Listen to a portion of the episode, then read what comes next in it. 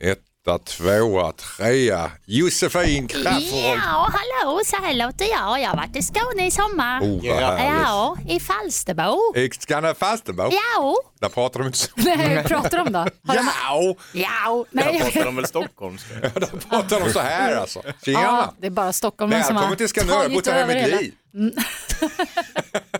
Född och uppvuxen i Skanör, säger jag. Dilemma med Anders S. Nilsson på Mix Megapol. Hej och välkommen till podcastversionen av Dilemma. Här i podden har vi en exklusiv inledning som inte hörs i radion där vi tänkte prata om ett personligt dilemma från panelen.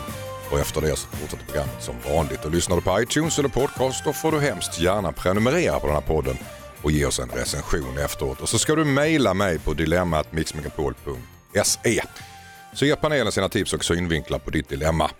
Idag så har vi dessutom fått in lite uppföljning på tidigare dilemma som vi ska ta tag i senare. Det är ni. Mm. Dags till dagens trio och trojka. Det är fin fint här. Det är Hasse Aro på min vänstra flank.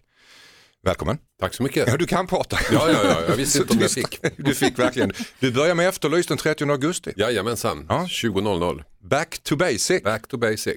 Känns det kul? Hoppas tittarna också är med. Ja det är de säkert. Det var ju, det var det deras känns jättespännande och lite läskigt. Sen har vi Josefin Crafoord tillbaka på semesterna också. Ja, Som har precis. ett tv-program i, i bakfickan har hört som du inte får prata om eller? Ja, alltid. Det är bok, det är tv-program, det är en show, det är musik, eh, popstjärnekarriär. Ja, det är allt möjligt. Sen är det ju val i år och vi har ju så väldigt mycket eh, politiker här. Vi hade Jonas Sjöstedt förra veckan och nu har vi fin fint besök i form av Gustav Fridolin. Välkommen Gustav. Tack så mycket. Mår du bra? Också en påbörjad popstjärnekarriär. Många som inte vet. Men, Det får du berätta om. nej, den, den, jag måste hålla den hemligt ett tag till. Du måste hålla... Men du har i alla fall haft en karriär som journalist vet du på Kalla fakta. Ja, jag jobbade där ett tag Ja. och så har jag varit lärare. Ja. Du är en politiker med riktigt jobb i grunden. Åtminstone lärarjobbet, där, där hade jag inte så mycket utbildning till. Men lärare har jag en papper på att jag är och har jobbat några år som Okej. klassföreståndare. Går det bra? Nu är lite, lite medvind nu va? Efter den varma sommaren. Ja, den hade man väl egentligen gärna sluppit anledningen till i alla fall. Mm. Men eh, om folk Men inget ont som inte har något gott med sig eller? Ja, Men någonstans om folk får upp ögonen, det här, vi, vi har haft tre år globalt som varit de varmaste någonsin. Ja. Och det här året så har det också blivit extremväder över hela norra halvklotet. Det är Mm. klart att folk hajar till och det är ju om folk då börjar prata och fundera på hur gör vi någonting åt miljöproblemen. Ja, välkommen. Ja just det. Ja, det, var, det gick ju lite grann från vad härligt väder vi har till liksom lite läskigt det här. Och när, när man så. liksom sova med kudden genom fönstret ut ur lägenheter och, radhus och sådär, då börjar det bli lite jobbigt. det är dags att börja sälja aircondition i Sverige. Hörrni, Det är eh, lite svårare med maten bara. Ja det är kanske Det är det. det, aircondition kan man kanske tillverka, det är lite svårare att tillverka mat om det inte gror på åkrarna. Det är sant. Det har du rätt i. Jag var tvungen att påpeka Ja, det ja, faktiskt, du- annars skulle alla bönder hemma vi börja sparka på mig. Sj- Självklart. Eh, det här programmet eh, Gustav är ju, heter ju Dilemma där vi försöker lösa lyssnarnas eh, problem. Val och kval som de står inför och ni har även ett med er här. I alla fall du Gustav. Berätta vilket dilemma du har gått och burit på. Men jag har ett sånt där rent eh, familjeplaneringsmässigt. Eh, i, ibland är det ju lite jobb i mitt jobb. Eh, och eh, ibland, ja, det Du händer. jobbar lite ibland alltså? Jag jobbar lite ibland. Lite det är många jobb. som inte tror det, men, men, det, ja, men det kan hända. Och ib, ibland är man ju inne i, man har väldigt mycket telefonmöten. Usch. Eh, jättemycket. Det är världens mest osociala form av möten. Därför att man pratar, alla måste stänga av sina mickar för att man inte ska störas och det innebär att man pratar ut i ett rent tomrum. Man har Men- ingen aning om hur folk reagerar på det man säger. Säger man någonting otrevligt så är det bara tyst. Säger man någonting plumpt kommer man inte få veta det förrän tre veckor senare när man frågar någon varför du fortfarande är så sur på mig. har man ett skämt, ingen, liksom, ja det är jag är i och för sig ganska van vid att ingen skrattar, men, men, den, ja, men den, den grejen. Men eh, mest osocialt är det ju för de som är i samma fysiska rum som en, men inte med på mötet. Där man springer runt med hörlurar och samtidigt ska diska eller käka middag eller så och egentligen är på någon digital plats och diskuterar regeringsförhandlingar. Och då har jag funderat på hur långt kan man gå i sina planerade aktiviteter även om man får in ett telefonmöte? Det här ställdes på sin spets för några veckor sedan när jag eh, och min fru genomförde den planerade parmiddagen med två nya vänner. Fast jag såg att det var i farans riktning att vi skulle få ett telefonmöte. Så att de kom, efter en kvart satte jag på mig lurarna, mötet började och sen var liksom hela middagen med förrätt och Bo Kaspers i bakgrunden. Och liksom allt- Som sig bör. Ja men genomfört tills eh, de skulle gå och sa att vi sa att vi hoppas vi ses igen och de sa väl mm. Alltså du, du höll det här telefonmötet i rummet med gäster och... Ja jag var i mina hörlurar Fruga. och satt och åt och så. Genom hela middagen. Oh Genom hela middagen. god, Var oh du my nykter. Gustav? Mer i början än i slutet av, Okej, nej under själva beslutspassen så, så höll jag lagom promillehalt. du, du höll på min hatten. Okej. Eh, ja, kan man... Skulle jag gjort så här eller skulle jag helt enkelt sagt vi får ta det nästa kväll då jag kanske också har telefonmöte? Ja, men det är en bra frågeställning för att man kan se det som lite taktlöst kanske eller ofint att blanda in jobbet mitt under parmiddagen. Ja, och det Vad, spelar vad, ju... ty- vad tycker ja. ni? Vad tycker du Jossan? Ja, ja, ja, ja. Det, det är ju som min 13-åring som, som är liksom uppkopplad eh, hela tiden. Och jag försöker mig på så här, hallå, ska vi prata med varandra när vi äter? Men det går ju inte för han är i telefonen eller så sitter han och spelar något spel, uppkopplad med, med folk och sådär. Jag, alltså jag hade faktiskt, jag hade nog blivit rosenrasande. På Ehm. Gustaf Fridolin, jämför du honom med din 13-åriga son? Ja, jag tycker det är samma skrot och korn på något sätt. Alltså det, Sådär ja. Ja, nej, alltså kanske inte i övrigt, men just när det gäller den här lilla, lilla detaljen så är det ju, ehm, tycker jag, självklart att du, Gustav, måste ju någonstans säga till i förväg, okej, det kommer dyka upp ett telefonmöte och när det dyker upp då ska ju du såklart diskret smyga iväg, helst ut ur lägenheten och försvinna och göra klart ditt shit. Det kommer vara enklare för dig också och sen komma tillbaka och då är det liksom bara parmiddag. Varför gick du inte iväg Gustav? Det, men jag, jag var- tror att jag, jag var iväg första 45 minuterna. Du tror att du var Det är. Var lång nykter? tid, 45 minuter. Ja men sen, jag var iväg 45 minuter men sen eh, började maten dukas upp och sådär och det är ju trevligt och jag var, levde ju ganska länge i förvissningen att nu är det nog bara fem minuter kvar av mötet. Det kan också vara så att jag var femte minut sa att nu är det nog bara fem minuter kvar av mötet. Okej, vad tycker du Hasse Aro? Alltså, det här är ofint eller? Ja, alltså om man har det jobb som du har så tycker jag att då får man ju för omgivningen acceptera att ibland är det kris. Mm. Och då får man ta sitt telefonmöte. Men du visste ju att du skulle ha det här. Du visste att det skulle krocka. Jag visste inte det från början. Det var inte Nej. så att jag bokade in det, ja men det här ligger samtidigt som ett telefonmöte och ni verkar vara så otrevliga så vi tar det då. Ja, nej, nej det är svårt. Det var inte så om, då. Ja. Om, om det hade varit riktigt möte då, Mm. då hade du åkt iväg och hade de suttit kvar då, jag vet inte. Det är svårt, jättesvårt. Men nu, så, nu föddes en liten idé i mitt huvud här om att du kanske inte tyckte de här gästerna var så roliga. Ja det tänker jag också. Det var de eh, säkert, men jag vet ju inte.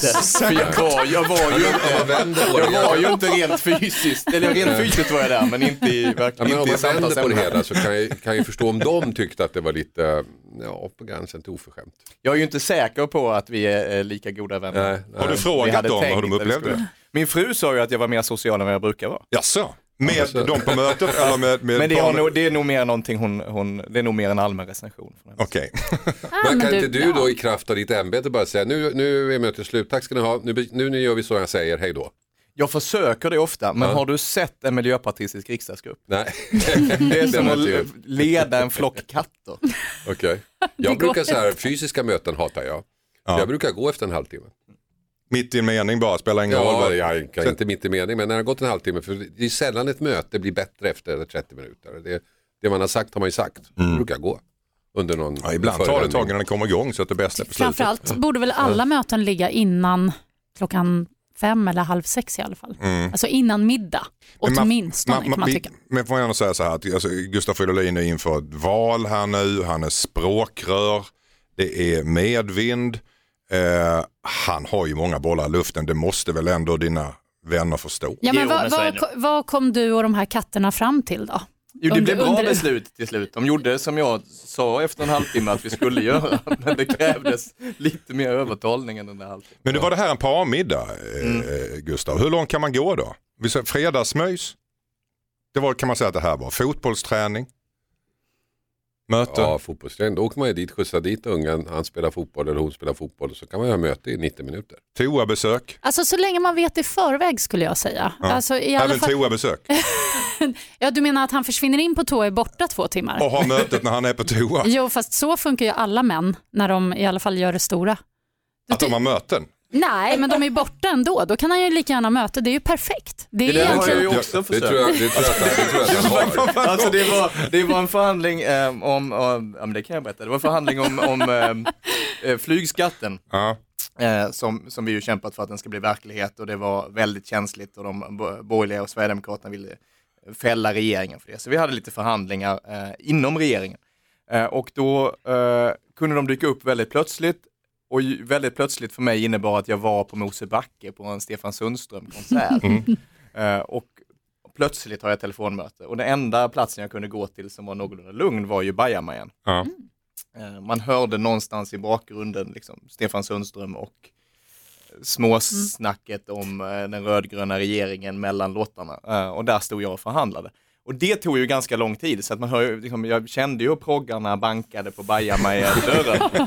Eh, och förhandlingarna gick bra, vi har en flygskatt nu, eh, jättebra, flyget får betala sina miljökostnader, men när jag kommer ut så, och ser sådär väldigt nöjd ut, då var det ingen av proggarna som gick in efter mig.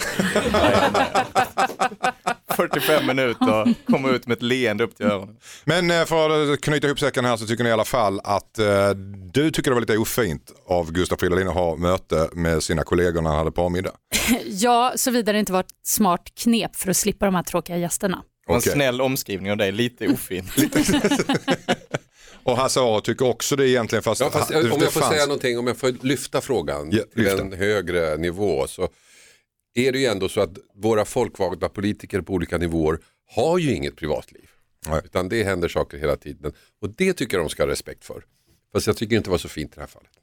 Jag ska sköta det snyggare nästa gång. Nu Alltså, fort, ja, ja. förlåt, Gustav. Nej, jag, Gustav. jag kommer att tänka på en sak. Säg det. Nej, men det är för snuskigt. Nej, säg det. Nej, men det... Du är inte Jossan om inte du säger det här. Okej, men har du någon gång avbrutit sex för ett telefonmöte? Det kommer jag inte svara på.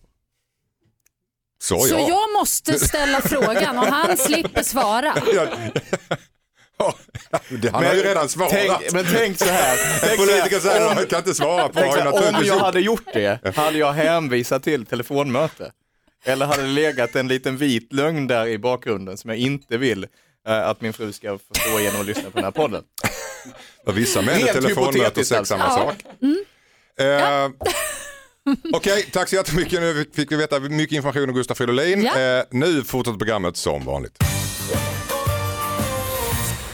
Hejsan Dilemmapanelen, jag heter Lisa. Min pojkväns bästis har varit otrogen mot sin tjej.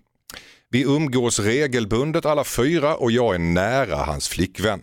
Kompisen sa till sin flickvän att han sov över hos oss efter en fest men gick i själva verket hem med en annan tjej. Han vet inte att vi vet. I början av deras förhållande så var han också otrogen och det har tagit lång tid för henne att lita på honom igen.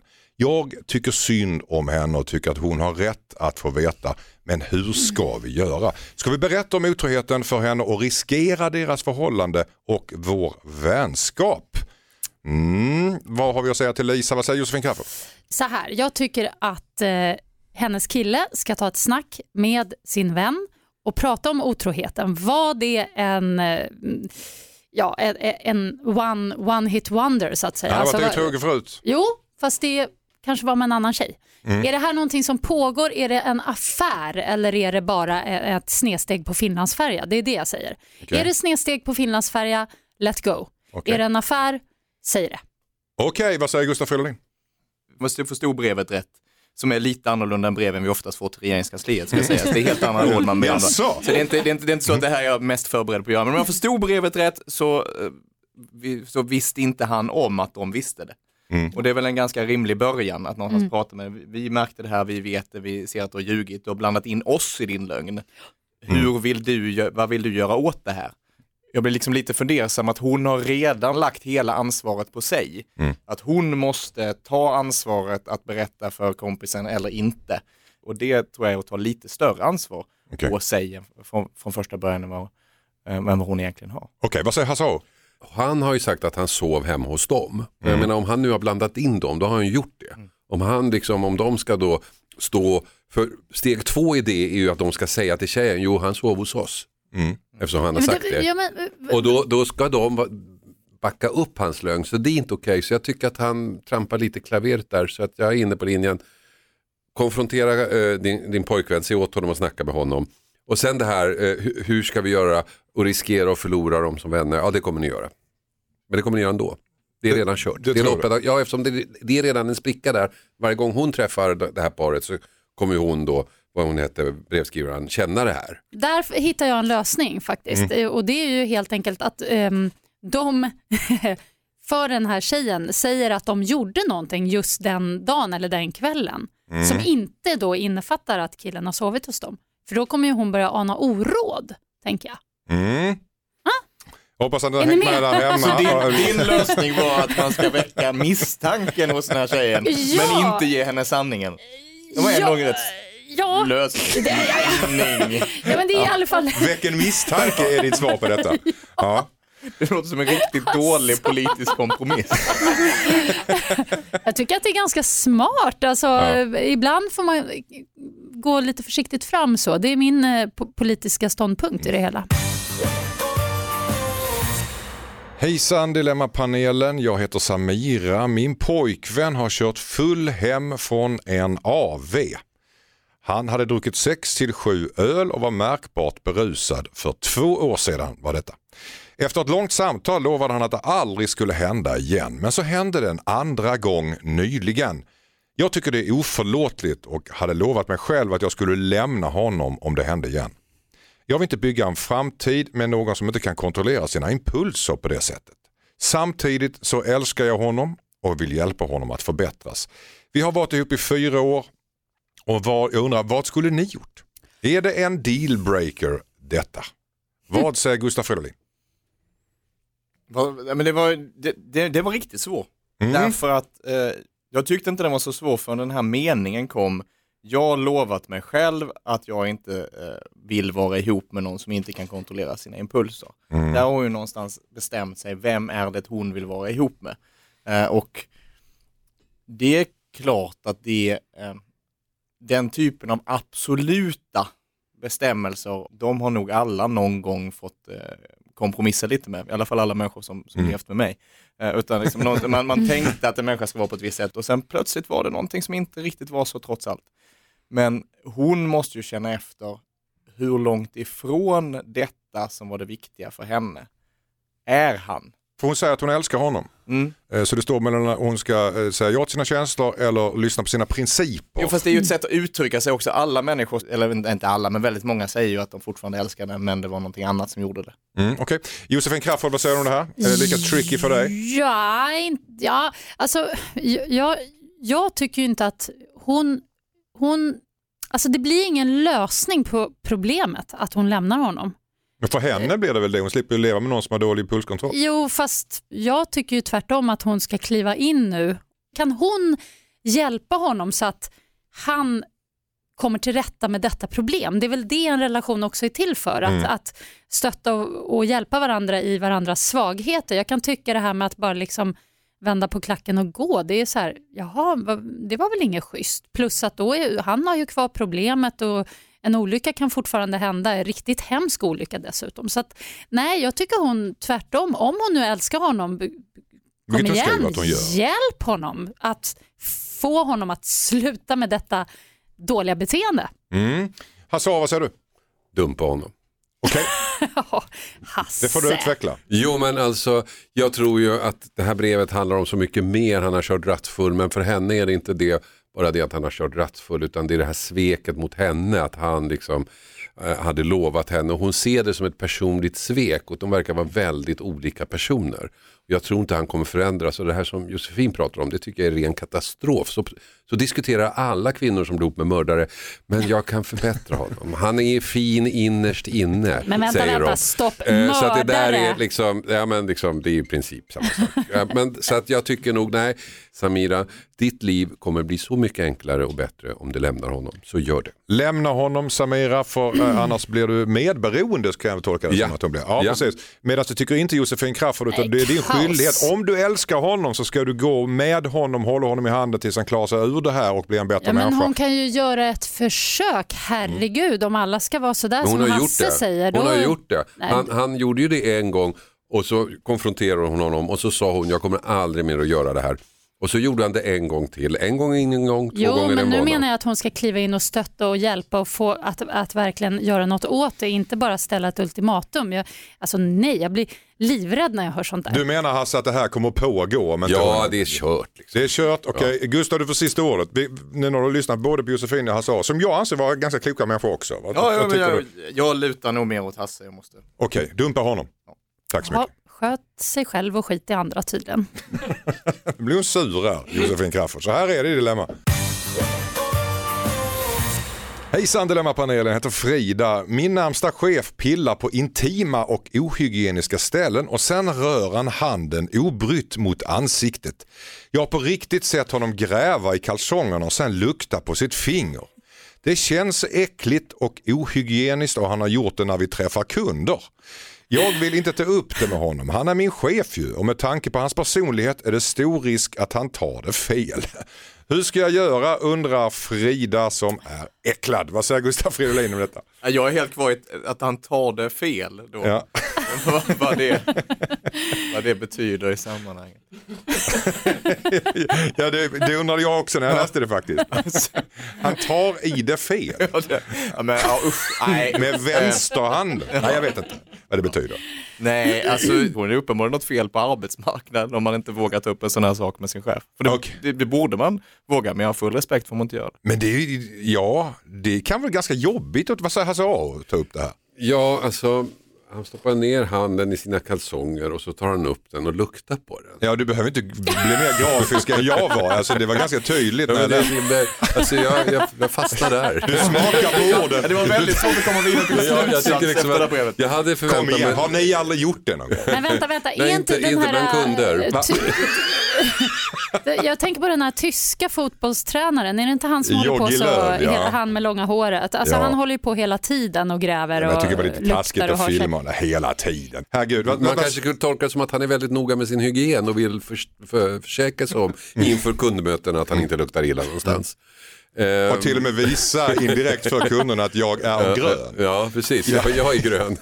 Här har du kartan. Vad säljer de? Jag vill tvål kanske. Ja, nej, men, eh, jag tror att just det här beteendet är väldigt svårt att ha några synpunkter på. Det är då bara att bita ihop och gå vidare. Okej, men ska, han, ska hon säga till Frida? Nej. Även om kunderna reagerar illa och hon skäms? Ja, nej, bit ihop. Okej. Men hon ska ju inte skämmas, sa hon det? Eller är det du som hittar på Nej, det? hon, nej jag, jag hittar på det. jag, jag tolkar väl som att hon skäms som hon är på Ja, kundmöte. men det är ju inte, alltså, det är, det, är- där är Gustav rätt, det är ju inte hennes ansvar på något Nej. sätt. De är kollegor och det vet vi alla att man har ju haft en och annan idiot som kollega. Och även om man tvingas umgås så behöver man ju inte eh, ett, tycka om den och framförallt inte ta ansvar för den andra människan. Nej. Och det behöver hon inte göra. Bit ihop Frida tycker. Och vad säger Josefin Crafoord om det? Ja, alltså, ja, jag sitter här och grunnar och tänker fram och tillbaks, fram och tillbaks. Alltså, jag, jag tycker som du Gustav, det är klart att man borde kunna säga till om en sån här sak, för jag tror att det är väldigt omedvetet han gör det här. Det är nästan som ett tics. Eh, Jag har själv en person i min omgivning, utan att nämna några namn, men ehm, hon, hon eh, gräver eh, ganska hejvilt i sin näsa Okej. ibland, eh, på middagar och sånt där. Och, och jag har sagt till någon gång och då blir det, det blir lite jobbig stämning. Och då, då är det här ändå en person väldigt nära mig. Ehm, så att jag är också så här, nej, det är inte ditt ansvar att säga till, men samtidigt borde du kunna göra det. Öh, Ja, precis så. Det finns inget tvång på henne att säga till. nej. Men det som stör lite brevet är ju att hon känner att jag kan inte säga till, inte för att det då blir lite känsligt oss emellan eller liksom det rent personliga att jag tar upp någonting som är ja, men, lite, lite jobbigt, Mm. utan jag kan inte säga till för att du är min chef. Det är ju, det är ju någonting fel på Det ska hon kunna göra. Alltså. Ja. Ja, en sån sak som ju helt uppenbart inte, om hon säger till, så gör ju inte det på något sätt henne till en sämre medarbetare på det här företaget. Nej, men Och hon, det tar en, hon tar ju en risk. Va? För jag menar, Ja. Om det är hennes bästa kompis då kan hon ju säga till Ja. utan att ta en risk. Men här tar hon en risk hon vet inte hur han ska reagera. Han kanske liksom blir, oj sablar varför har du inte sagt något? Okej. Exakt, om Men de han har en kanske bra inte blir relation. det. Ja, men, Och han är hennes chef så att det är en risk. Det vore ju så väldigt skönt om han Jag menar, om, man, om man går omkring med, med en fläck på kinden så här eller en snorkråka som hänger ur näsan, då blir man ju glad när någon säger till. Ja. Och Liksom inte gå omkring hela dagen med det. Glad. Ja. Jo, ja, men glad, Det beror på hur länge man har gjort det. Och Ja, jo, men liksom, man blir förbannad på alla de innan som inte har sagt något. Men, men här, ja, jag vet inte, det är en riskbedömning som hon får göra. Jag skulle nog inte Jag, jag, det. tycker, jag tycker hon ska försöka eh, säga till. Nu pillar jag mig i näsan här. Jag gör det ibland. Alltså, det, det, det, det är väl inte så farligt att pilla i näsan under middag bland folk. Nej, Men det är väl värre ja, att dra men- ut den och rulla den och skicka iväg den så. Stoppar man det i munnen så är det inte så Nej trevligt. men det gör väl bara barn? Nej, Nej. det, Nej. jag vill inte säga det för jag vill inte äckla för många människor som sitter Men och på lyssnar på radio middag, just nu. det På en middag? Nu är hon inte mätt helt enkelt. Då har vi ett annat problem, att det är att snåla gäster. Precis, det var det det Och berodde på. världen sitter med hörlurar. Jag sitter med hörlurar i telefonmöte. ja, det ballar ur där. Eh, Okej, tack så jättemycket för era fina råd. hörni. Hejsan Dilemma-panelen, jag heter Håkan. Jag blev mobbad i högstadiet och det var framförallt en kille som ledde angreppen. I gymnasiet så växte mitt självförtroende och idag har jag lagt mobbningen bakom mig, trodde jag. När min syster presenterade killen hon blivit kär i fick jag en klump i magen. Det är min gamla mobbare. Vi har träffats nu och jag mår fysiskt dåligt av att vara i hans närvaro. Känslorna är kvar. Borde jag vägra att umgås med min syster när hennes kille är med? Undrar Håkan.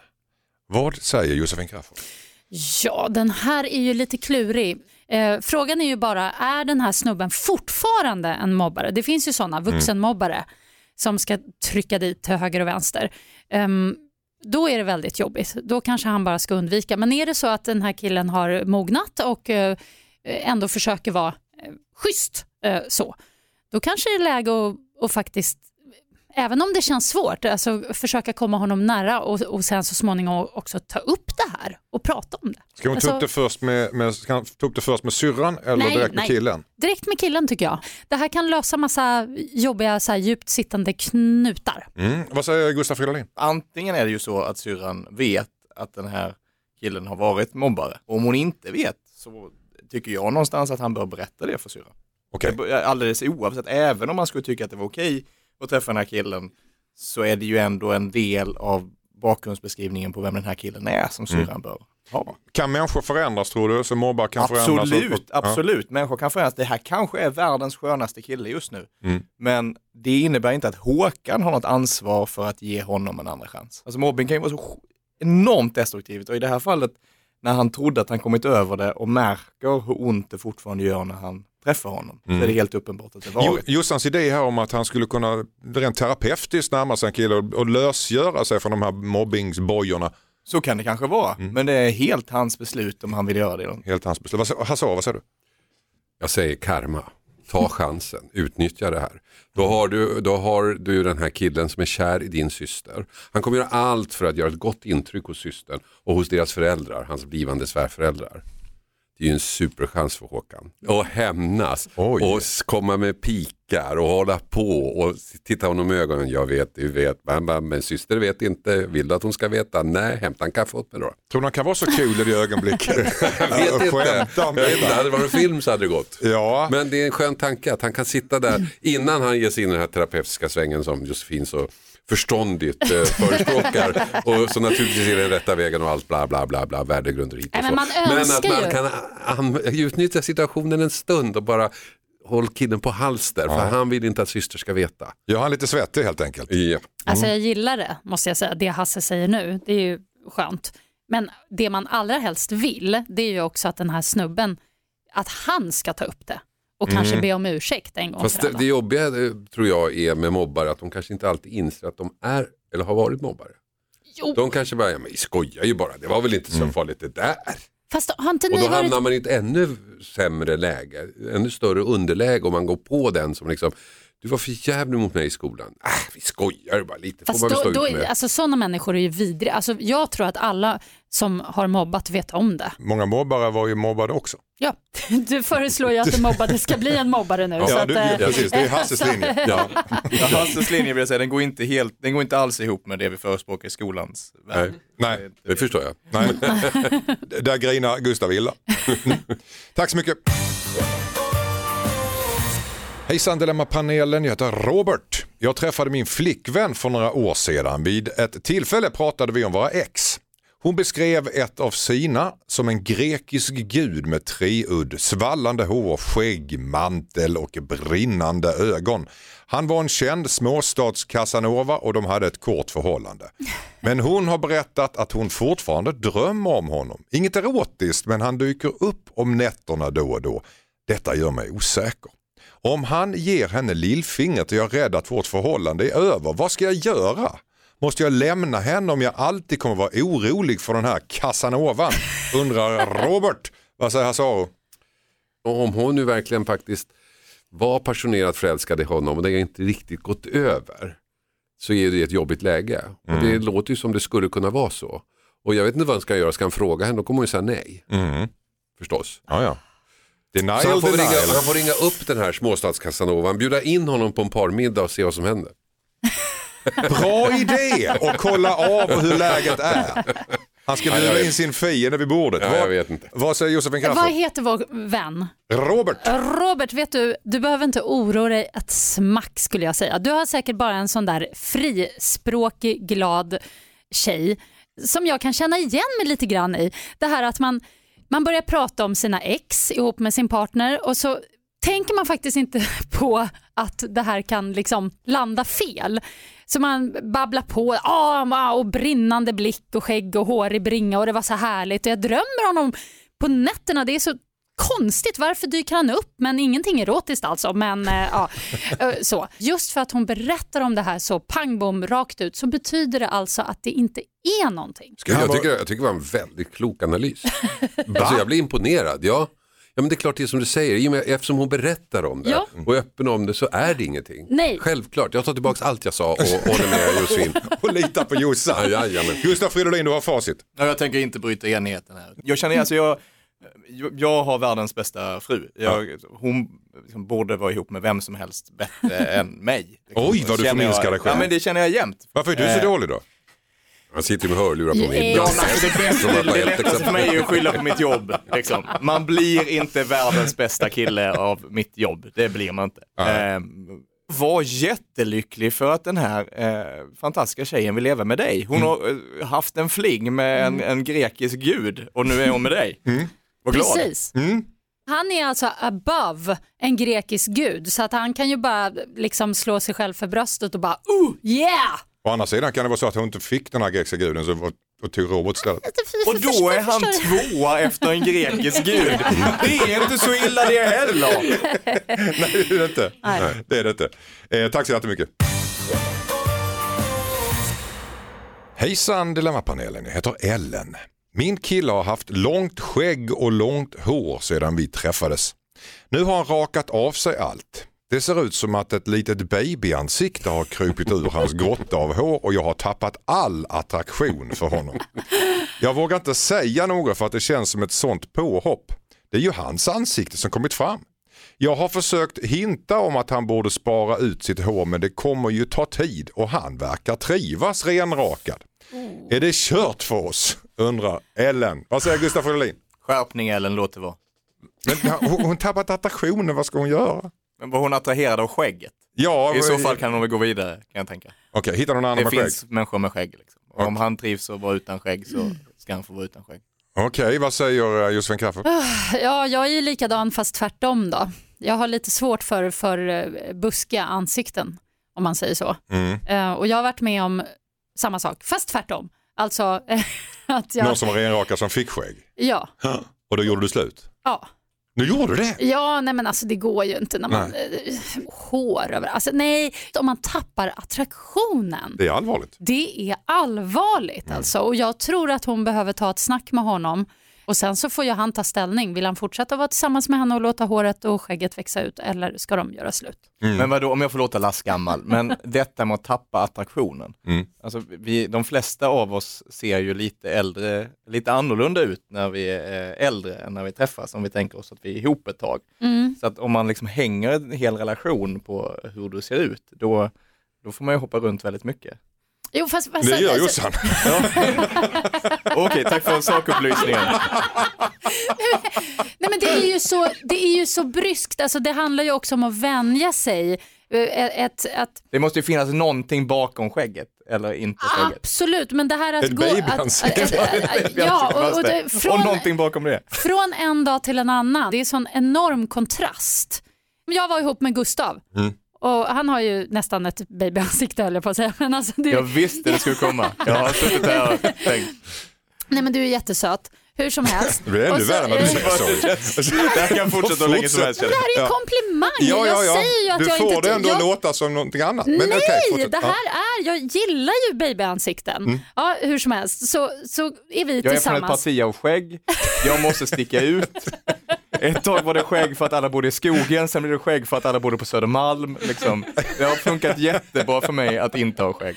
Jag tycker det är toppen. Ja. Och jag skulle få eh, en sån enorm chock då om han kom hem en vacker dag och hade bara boom, världens skägg och världens hår. Då skulle jag säga, kom igen, ta bort det. Hasse Av rent ju aldrig sett biologiska anledningar skulle det ju på en chock. Hasse har ju aldrig sett i skägg. Berätta Har om du det här. inte? Nej. Jag har faktiskt haft skägg. Jag Har du ju, det? ja, typ ett år hade jag skägg. Oj, det, Det var ju väldigt dålig skäggväxt så det kan ju vara därför som du såg den helt enkelt. Skäggstubb det för. Ja, Du odlade inte om. sådär. Jag var faktiskt hos en barberare just på Södermalm och lät trimma det en gång. Du betalar 826 kronor. Ja, minst. Nej, jag tycker så här, jag tycker att hon ska berätta för honom mm, hur hon känner. Och om det är någon stake i den här grabben så lämnar han henne. Vad är det för idiotig tjej? Som blir kär i skägg och hår och sen när han rakar av sig så tycker hon, nej nu är, inte jag, nu är jag inte attraherad av honom längre, nu tycker inte jag om honom. Alltså, han är värd bättre, Ja. mycket bättre. Men kan man styra över det när attraktionen försvinner då? Nej, men alltså, grejen är, det här kan ju vara tillfälligt. Vi måste komma ihåg att hon är i chock. Ja. Ja, så att det, det, man måste ge det liksom lite, återigen, tidsgränser. Hon, hon får väl sätta upp en gräns att okej, jag ger det här två månader så får vi Fast se. det, här, fast det är skillnad här, för jag menar okej om, om man är ihop med någon så kommer de hem och har färgat håret liksom grönt. Då kan man ju säga, men oj det där var inte så snyggt. Men här har han ju rakat bort det som liksom förändrar honom. Nu är han ju sig själv, nu är han som han ser ut. Ja. Det är inte så att han har gjort någonting för att förändra sitt naturliga utseende, tvärtom. Han har tagit tillbaka sitt utseende och då får hon en chock. Men om jag var ihop med en kvinna med stort svallande vackert hår och blev förälskad och sen så kommer hon och har rakat skallen. Ja. Alltså, Men om du inte... något skulle hända i mig. Jag kan inte, jag ursäkta Ja, men då mig. älskar du inte henne. Ja men det där är dumheter. Ja, det är dumheter, jag håller med. Ja, Ytliga förmodligen, människor ja, förmodligen kan man vänja sig men man undrar ju varför för det första. Ja. Jag, menar, man, jag tycker att det var taskigt av honom också att bara gå och göra så. Han kunde väl ha förberett henne eller sagt så Jag förstår här. inte hur du kan lägga skulden på honom. Herregud, han tyckte det var varmt. ja, det är sant. Okej, om eh, det är så att du lämnar honom så har du aldrig älskat honom tycker eh, Gustav och Hasse. Medan Josefin Crafoord är lite förstående faktiskt Ellen. Men menar att du kan vara i chock Ja, exakt. Mm. och ge det här lite tid. Ja. Tack. Finns det något särskilt nummer att ringa? Skäggnumret. SOS skägg. Skicka in ditt dilemma till dilemma@mixmegapol.se. Vi ska göra en liten avvikelse här idag faktiskt. Det är nämligen så att vi har fått en uppföljning från en tidigare brevskrivare till oss. Eh, det är personen som skriver, hej jag skrev till er innan sommaren. Då undrade jag om jag skulle smuggla med en kompis på en resa med min mamma för att göra resan roligare. Min mamma hotade då med att jag skulle behöva betala resan själv om jag tog med en vän eftersom hon ville att vi skulle åka själva. Jag gick på Josefins tips som lät så här. Bra idé det här med kompisen på hotellet bredvid i smyg. Mm. Det blir ju roligt. Det blir lite mer så här äventyr och spänning också då. Detta säger alltså Josefin då innan och eh, nu fortsätter brevet så här. Jag tog med min kompis som i hemlighet bodde på hotellet bredvid faktiskt. Vi sågs på kvällarna när min mamma låg och sov men min kompis la ut en bild på sociala medier som min mamma fick höra om på omvägar. Nu har min mamma sagt att vi kan glömma alltihop om jag betalar för min biljett i efterhand. Jag tar studielån och har väldigt svårt att skramla ihop pengar. Vad ska jag göra? Josefin har satt henne i skiten. Ja. Men vad då? Jag sa också väldigt tydligt, ni måste vara försiktiga med sociala medier. Det är det mest väsentliga i dessa dagar om man ska vara lite lurig, vilket vi är till mans. Jag tycker du ska pynta eh, den Ja, här tycker mamman helt enkelt. Hur många tycker att Jossan ska pynta? Alltså, tycker det, och det tycker Jag? Gustav också. Josefin, du har lett henne till fördärvet. Du satt henne i skuld Jag tycker, till massa, morsan. nej, mo- morsan hon, hon är lika snurrig som mamman till hon med tatueringen där.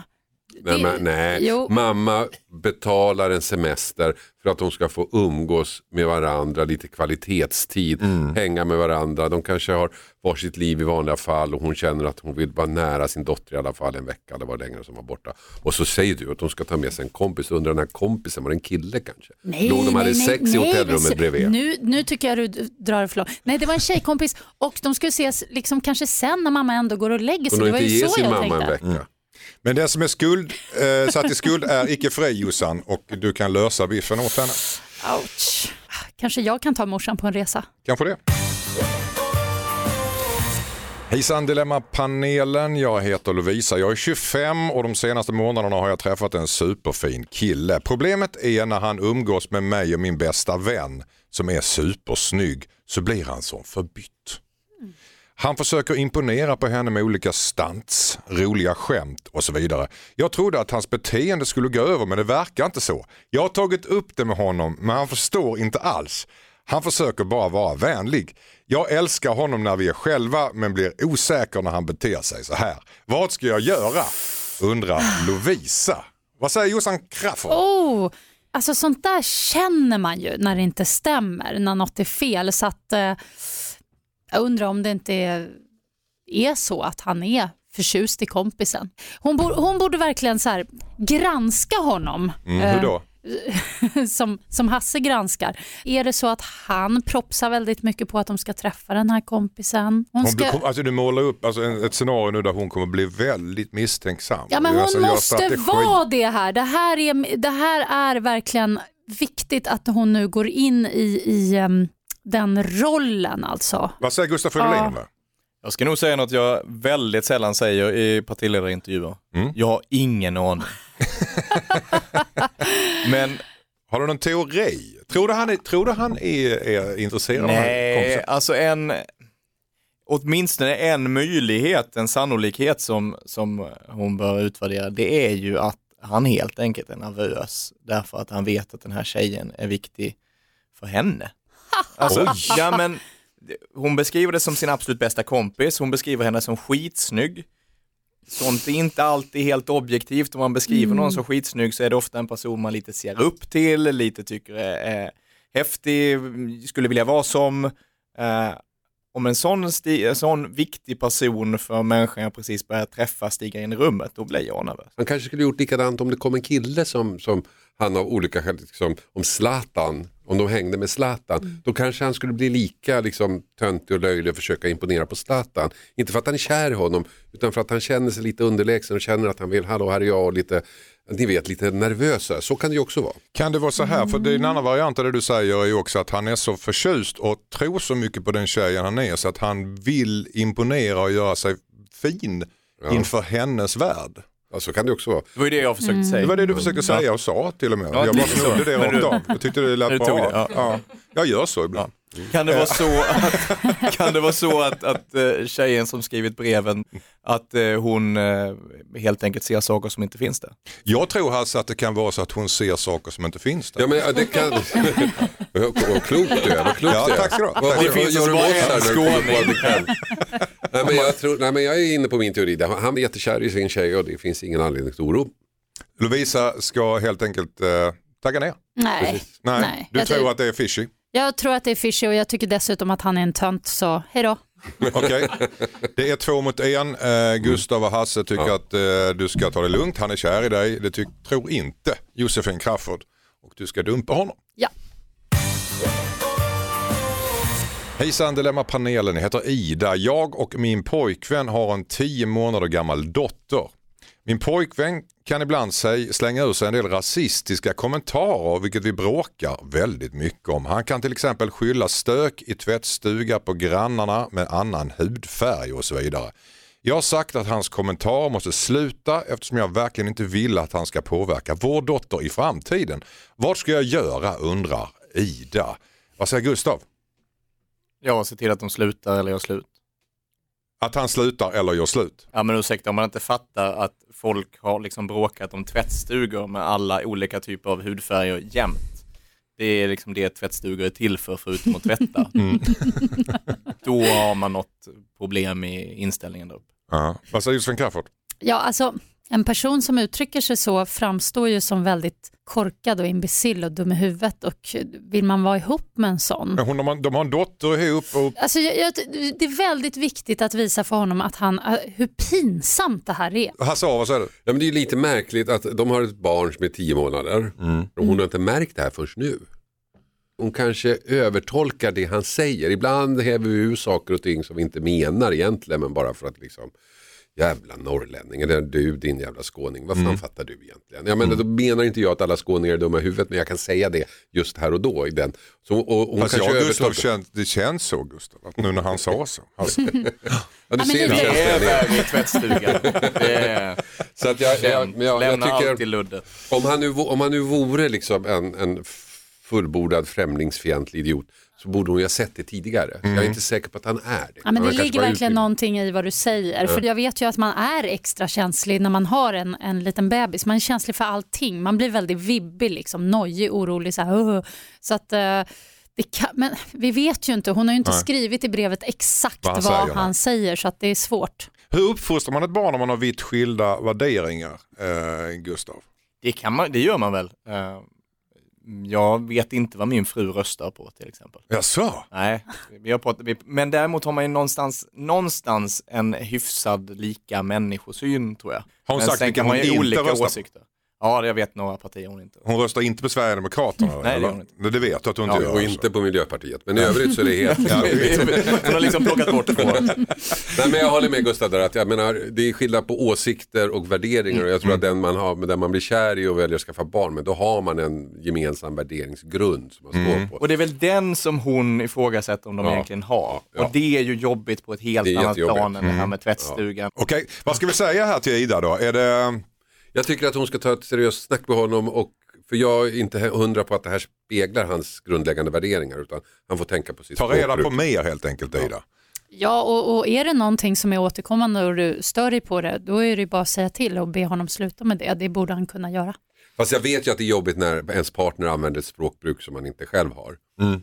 Min fru säger till exempel kaviar. Mm. Och det har våran son börjat säga. Det är Alltså, nästan hur en jobbigt, är, hur jobbigt är inte det?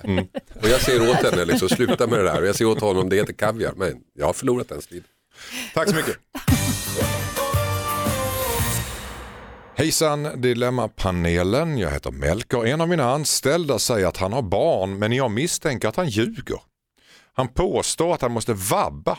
Han skyller på barnen när han är försenad och så vidare. Han har nämnt namnet på förskolan och jag insåg att en vän till mig borde ha barn på samma men min kompis kände inte till hans dotter. Jag kollade på sociala medier och hittade inget spår av hans barn, vilket har fått mig misstänksam. Han jobbar ju bra annars, men borde jag konfrontera honom eller ska jag bara låta det här passera? Undrar Melker, vad säger Hasse? Jag har världens lättaste lösning på det.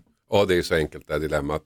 Han ringer till Skatteverket, ber att få tala med folkbokföringen och så frågar de om den här killen har några barn. Mm. Tack för kaffet. Och, då, Nästa då, dilemma. och då säger de det över telefon rakt upp och Ja, ner. ja. Inga papper måste hämta nej, det är offentliga uppgifter men du måste ringa. Du kan inte, du får inte, kan inte messa eller de skickar inte brev. Så här. Men om du ringer till dem så, så är det offentliga uppgifter. Kan man själv ringa och till Skatteverket och fråga, har jag några barn? Ja det kan man göra, absolut. Ja. Ja. Eh, vad bra. Men de utgår från officiellt inlämnade uppgifter. Så Det- de, har liksom, de har ingen annan information vanligtvis än vad du har. Nej. Som att det ryktesvägen och så. Det, kan ju, det kan ju vara så eh, att, alltså så här, ha barn, man kan ju ha, ett, ha eller ta ett ansvar för barn av en massa olika skäl. Man har en polare som är den eh, biologiska farsan men som är sjuk. Men just det, han Men kanske är ihop med en tjej som har barn som är Ja, som så hans egna och så. Melker har redan börjat och stalkar honom lite grann på Facebook, sociala medier. Så här, kan han gå ett steg till här? Men alltså grejen är, det spelar ingen roll om man har barn eller inte. För alla som har barn, de använder det där vabbandet för att titta på Netflix. Va? Är det så? Ja, Gör du det? Ja men kanske det. det är När man vabbar ska man sitta bredvid sitt sjuka barn, badda pannan Ja. med varma handdukar. Det står på Försäkringskassans hemsida faktiskt. Vad förväntas av mig som förälder? Ja, men det är det jag menar. Det är ju så här, herregud, hur många har inte någon gång skylt på barnen för att slippa gå till jobbet? My God. Eh, Men hörni, ska, han, ska Melker konfrontera den här personen eller inte? Ja jag, nej? nej, jag tycker han eftersom det är så enkelt att kolla kan han börja med det. Börja med det, kolla Skatteverket, konfrontera Ja, lite. nej, strunt i det. Låt han vabba på. Det kanske är så han samlar energi för att göra eh, ett bra jobb. Så. Odåd. Ja. Vad säger Gustav? Ska han konfrontera Mel- Melker konfrontera honom eller inte? Jag tycker som Josefin och hade gjort som Hasse. Sann politiker-svar.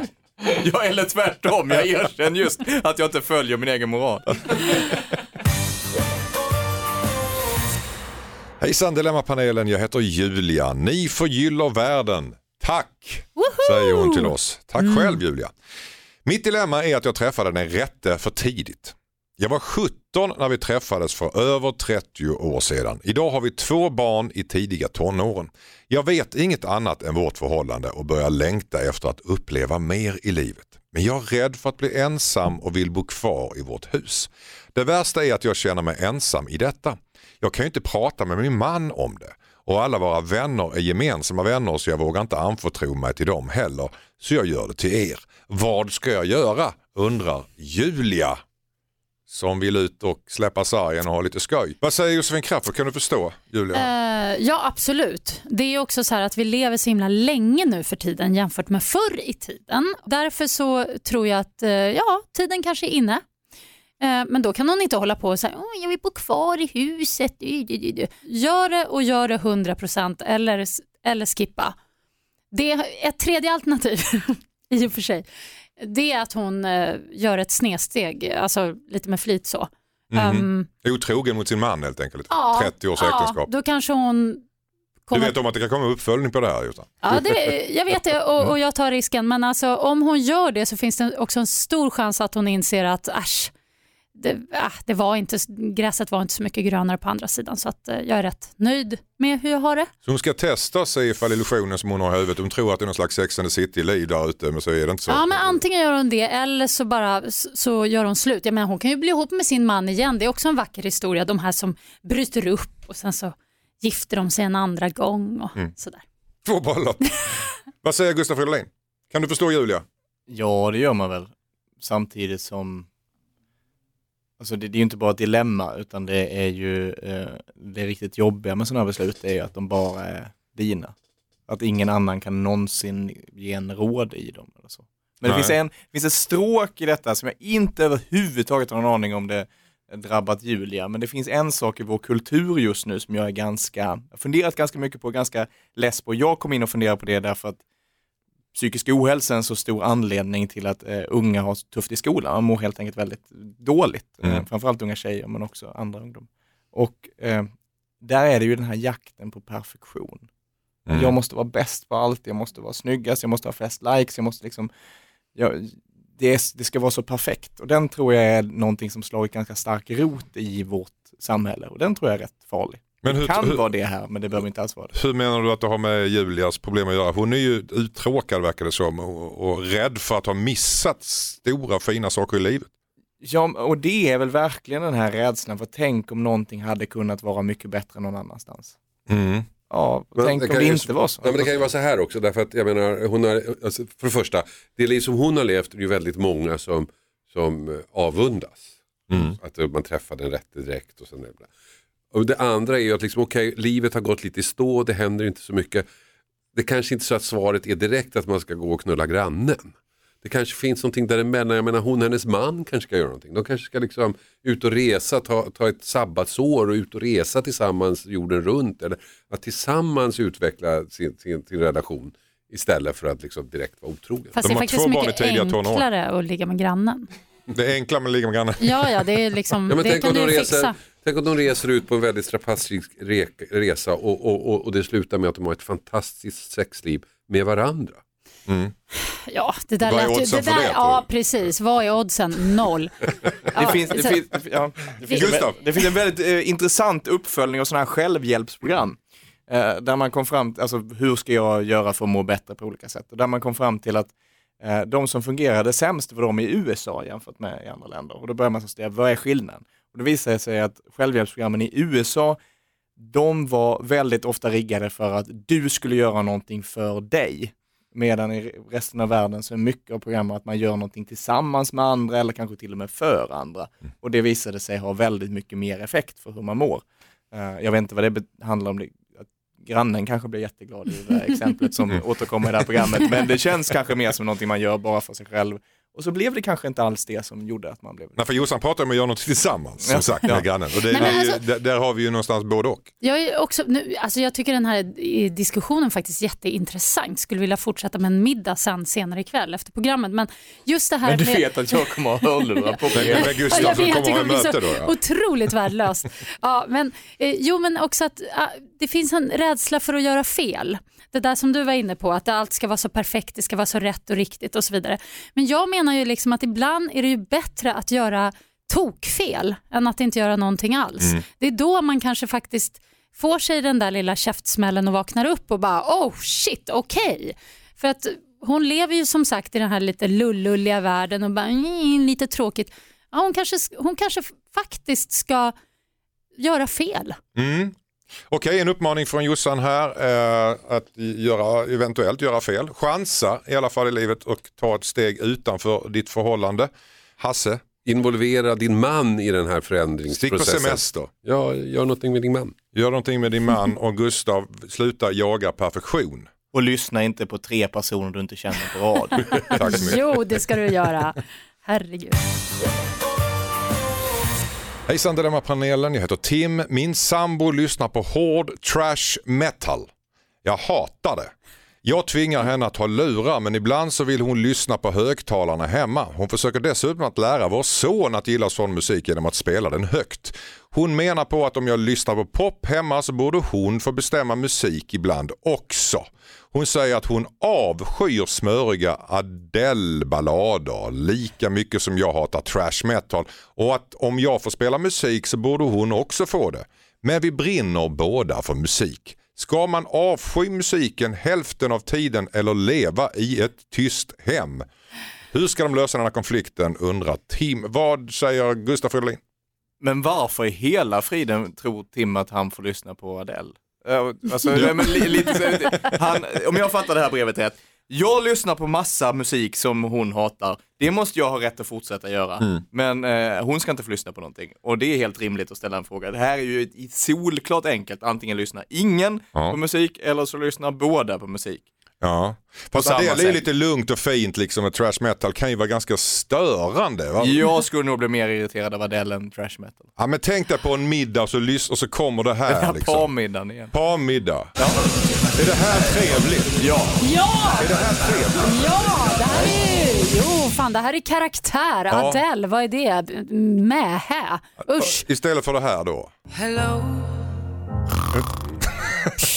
Nej, men jag, jag håller nog med, Adele är ju trevligare. Du tycker Jag Adele skulle är hellre trevlig? lyssna på Adele. Ja. Men eh, jag håller ju med Gustav här. Att jag menar, det är klart att man måste ju få lyssna på det man vill. Vad, vad är nästa steg då? Ska hon inte få läsa vilka böcker hon vill heller då? För att han tycker inte om dem. De kan väl ha så här, liksom, de får väl göra så att de lyssnar på, med lurar oftast. Men så har de fritid tycker jag. Fritid där de får liksom. Ja, men, alltså, dra på. att typ gilla samma musiksmak, det är bland det viktigaste att dela i en relation. Och det funkar inte att leva med en person jo, som lyssnar på skitmusik. jo. Jo det gör det. Jo, det Gör din Det fru gör, det? alltså min, min fru eh, eh, tycker att Erik Gadd är en väldigt bra musiker. Men det är han ju. Eh, säkert. Eh, jag, har, jag har liksom gett upp den fighten, men jag har varit på fler Erik Gadd-konserter än någon annan, möjligen med undantag av henne. Mår du dåligt då eller? Nej, men jag har stått där längst fram. Liksom, Det är, ganska stort, det är ganska stort att gå på konsert tycker jag. Men, alltså, bara Jag för kan att nu hon sjunga med det. i vilken Erik Alltså, Gadd-låt som Oj. helst. Jag tycker nog att, alltså, jag menar det jag tycker är stort. Men om man nu inte gillar Erik Gadd så kanske man får stå ut och lyssna på honom i köket. Men man måste inte gå på konserter. Nej det är kärlek om man går på en konsert som man Ja, tycker om. Men alltså har ni har ingen ju de musik som att ni lära. gillar, Ja. som ni båda gillar? Nej, Alltså, vi hade, när vi träffades så hade vi ju ganska stora skivsamlingar för eventuellt yn- yngre lyssnare så var det ett sätt att lyssna på musik för. Eh, och eh, hon såg min innan jag såg hennes och då, eh, upptäckte hon att det inte fanns en enda platta som var densamma. Så då köpte hon en platta med Peps. Oj, oj, oj. Men alltså, som socialmusiken då, har, inte- har inte, har inte liksom eh, en lugnare Adele försprång där framför trash metal? Är inte det lite grann det där får du lyssna på i källaren? Nej, jag tycker Adele är passivt aggressiv. Tycker du tycker du passivt ag- Ja, alltså det, det, det, det gör ondare på något vis. För den här trash metal-musiken, den är, mer, alltså den är ju rak och ärlig. Den är direkt. Under en middag, Under en middag. så Man, här. kan, ja, men man vill ju kunna prata ja, men sådär lite i bakgrunden, varför inte? Om den är så kort, okej. alltså. ja, ja, jag vet inte. Det är ju du som lagt till middagen i det här dilemmat. Ja. Jag har lagt till middagen här men jag bara så, så umgås ju folk. Men sen Du är gör ju ju, det för att du pratar i telefon under middagen. nej, men det är ju kul med också att man, man kan ju lära sig tycka om musik. Mm. En musikstil som du inte gillar först, den kan du lära dig tycka om. Mina söner till exempel har lärt mig gilla jättemycket musik som jag förmodligen annars aldrig hade lyssnat på. Okej. Så att jag tycker att de, de måste, hon, hon, hon får försöka lära sig gilla Adele då, eh, hur svårt nu det än kan vara och sen så kan han försöka lära sig hennes. Okej. Gå på konsert. Gå Okej. på konsert Ah, på ja, både Adele och inte? på en trash metal-konsert. Ja, då får man feeling på konserten. Okej, eh, summan av kardemumman är helt enkelt att eh, de får gå halva vägen var och om eh, du ska lyssna på Adele så får minsann eh, din tjej lyssna på trash metal, inte konstigare än så. Du tycker alla om? Ja. Tack så jättemycket för att du kom hit Gustav Fridolin igen. Tack så mycket. Lycka till i valet. tar vi med oss. Tack så mycket Josefin Crafoord. Tack, tack. Lycka till med svensk pop och din podd Ja. och ditt eh, tv-program som du kanske ska göra eventuellt. Lycka till Hazar och tack för att du kom hit. Tack så mycket. Ditt premiär är den 30 augusti och din Ja. podd samma vecka. Ja. Efterlys respektive fallen vi alla glömmer. Lycka med allt. Kul att ha här som sagt. Vi är tillbaka nästa helg igen. Och så glöm inte att mejla in dina dilemman till dilemmatmixmegapol.se. Kom ihåg att vi byter ditt namn så att du kan vara anonym. Vi stänger butiken för idag och säger hej hej! Tjing tjong! Kanon! Tack, tack, tack, tack, tack.